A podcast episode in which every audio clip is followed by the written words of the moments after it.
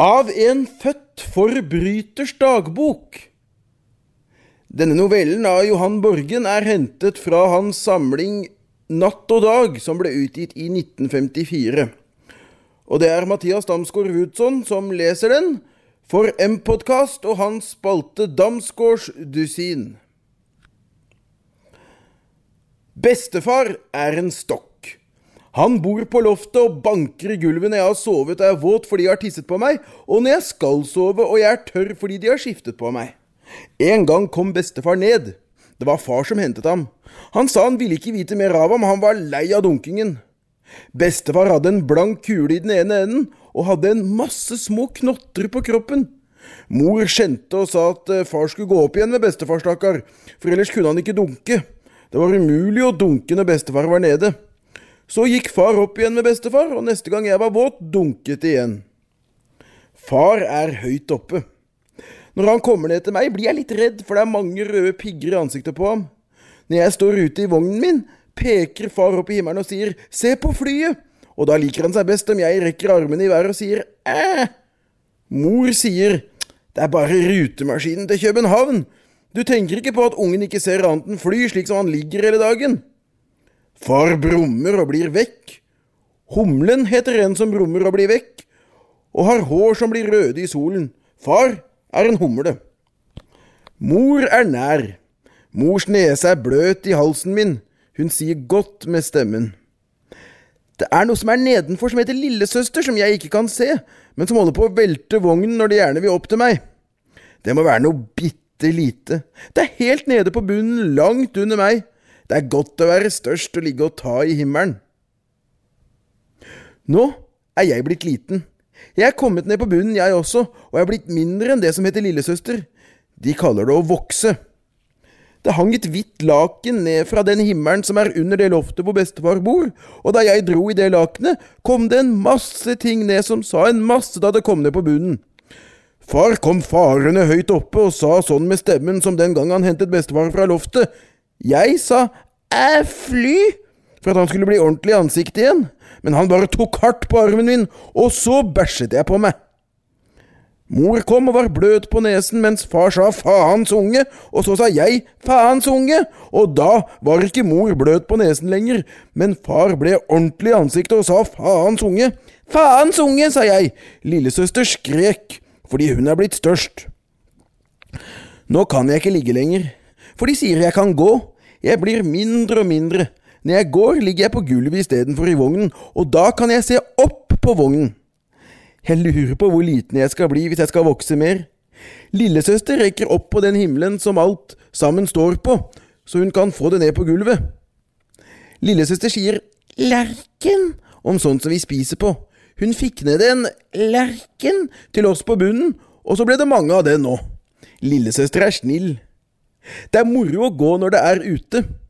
Før så lå jeg og så opp, og det var bare rutemaskinen til København som var der oppe, men nå kan jeg se tærne mine som er under meg og ikke oppå dynen. Jeg kom til noe blankt som jeg la meg i og ble våt, enda jeg ikke tisset. Da jeg lå i sengen til mor, sa far, vi må få satt en lås på den brønnen. Det har du sagt i fem år, sa mor. Far sa at hvis jeg gikk og la meg der igjen, så skulle jeg få ris. Lillesøster sa vi skulle gå og legge oss der sammen. Jeg vil ha ris! Jeg gikk helt opp på loftet. Det tok lang tid.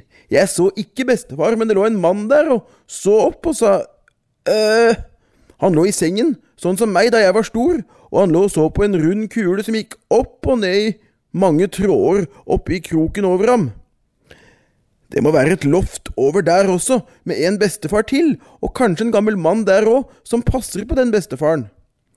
Jeg lå i sengen hos den gamle mannen, og da fikk jeg se bestefar. Han lå ved siden av den gamle mannen i sengen, og så banket den gamle mannen i gulvet med bestefar, og så kom mor og bar meg ned og var ikke bløt på nesen og sa at jeg skulle få ris.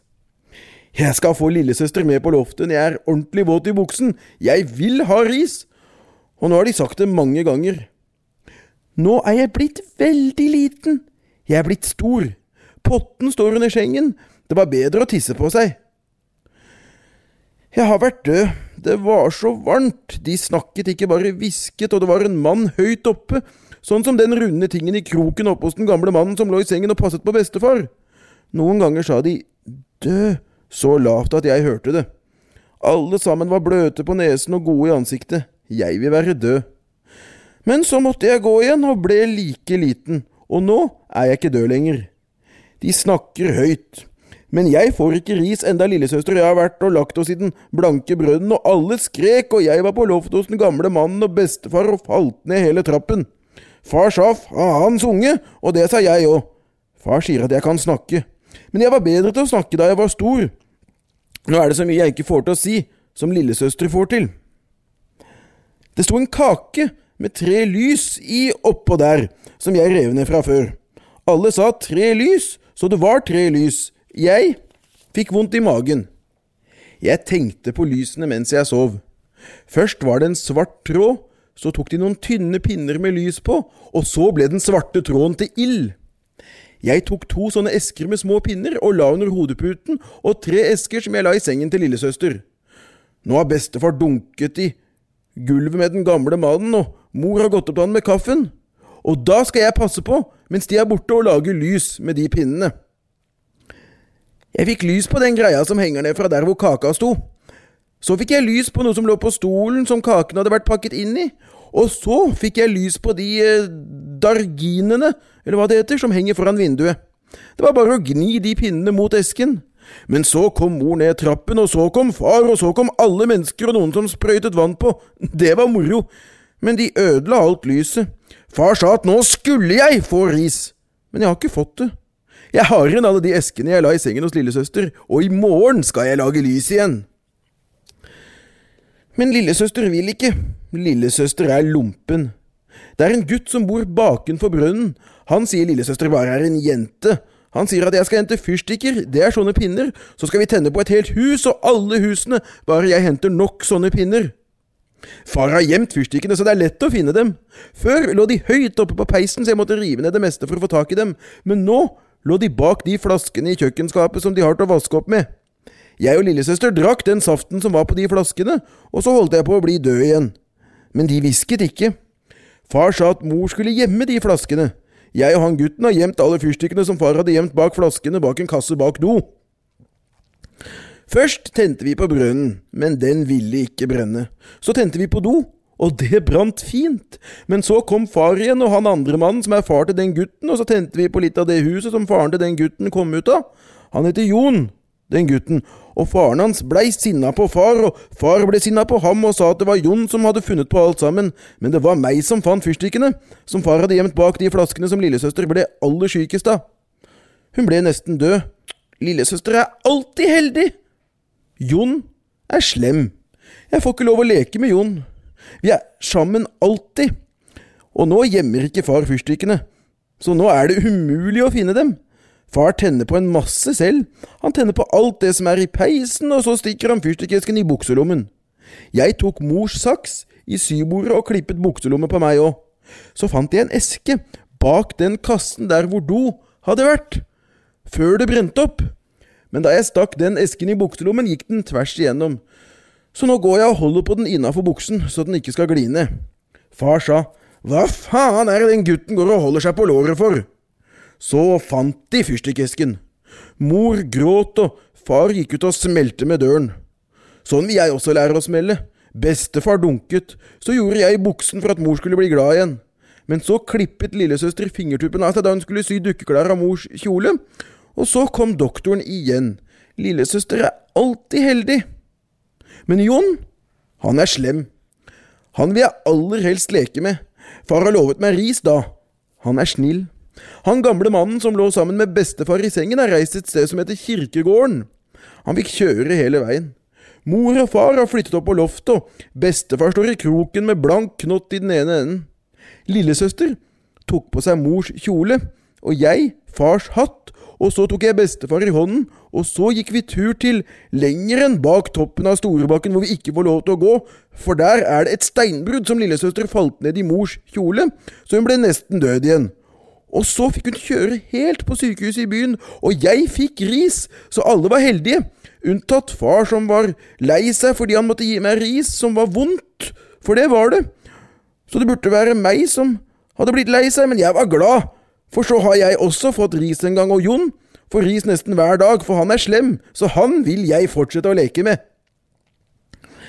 Mor sier at bestefar er blitt død, men det er bare for han sto i kroken i gangen, og jeg hadde ham med i steinbruddet og hadde klart å glemme ham igjen da lillesøster falt ned, men en dag så skal jeg hente ham, og da kommer ikke mor til å gråte mer.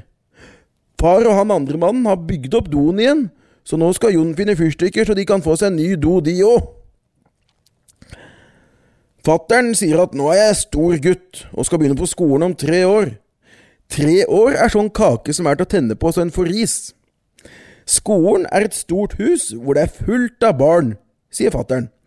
Men da jeg sa til mor at han hadde sagt at jeg skulle begynne på et stort hus med fullt opp av barn, og med en sånn kake til å brenne opp, hentet mor en dame med en sånn stemme som de har i barnetimen, og spurte om jeg kunne se forskjell på en fugl og en slags stokk hun hadde fordi det regnet, og så sa jeg at bestefar var vel ingen fugl, og så spurte hun hva det hadde med bestefar å gjøre. Den dama var gæren. Men om kvelden hørte jeg mor sa til fattern at damen hadde sagt at jeg hadde fått en sjokk da bestefar ble død. Hun må ha ment en stokk, og da var det like godt jeg sa jeg sa at bestefar lå i steinbruddet, og at jeg hadde glemt å hente ham. Da så mor på far, og fattern rystet på hodet og drakk av et glass i skapet. I morgen vil jeg ryste på hodet og drikke av det skapet. Jeg er blitt veldig god til å smelle med dørene og ryste på hodet. Jeg har rystet på hodet hele dagen, men da jeg var og tok et glass i det skapet og smalt med skapdøren, så kom de farende og tok glasset fra meg, enda jeg rystet alt jeg kunne på hodet. Så kom doktoren og sa at eh, jeg hadde fått et stokk da lillesøster datt ned i steinbruddet, og jeg sa at jeg bare hadde fått én stokk, og det var bestefar. Og det sa mor at den damen også hadde sagt. Bare én stokk, sa jeg, og rystet på hodet. Jeg har bare fått én stokk, sa jeg. Ett, sa doktoren. Ja ja, ett stokk da, sa jeg. Han så så sinna ut, men dagen etter kom hun fra barnetimen igjen, og så sa jeg til henne at jeg bare hadde fått ett stokk. Én stokk, heter det, sa hun, men hun er jo gæren. Lillesøster kom hjem fra sykehuset. Og nå leker vi sykehus hele dagen. Med en gang mor var gått ut og lillesøster skulle passe meg, satte hun en slange i enden på meg som hun tok fra gassen i kjøkkenet, og så brakk hun opp benet på meg, for det var grodd galt. Det gjorde lidderlig vondt, men det skal gjøre vondt, sa hun, og så stakk hun en stoppenål i armen på meg for at ikke det skulle gjøre så vondt, og jeg skrek og sa at hun var en faens unge. Men så kom mor hjem med den damen, og da hadde jeg gasslangen i rumpa og nål i armen, og lillesøster hadde et putevar for ansiktet for smittefarens skyld, og skrek fordi jeg hadde slått henne da hun stakk. Og den damen fra barnetimen sa at lillesøster led av sjalusi, men det er en slags gardin til å ha for vinduet, men lillesøster sa at det var putevar, og det var det, for vi hadde ikke vært borti vinduet engang. Og vi som hadde det så moro. Lillesøster har forresten lovet meg at i morgen skal vi to røntgenbilde, men da må vi ned i kjelleren hvor det er mørkt, og vi skal ikke si det til noen. Du har nå hørt av en født forbryters dagbok av Johan Borgen, utgitt i hans novellesamling Natt og dag fra 1954. Det var Mathias Damsgaard Woodson som leste.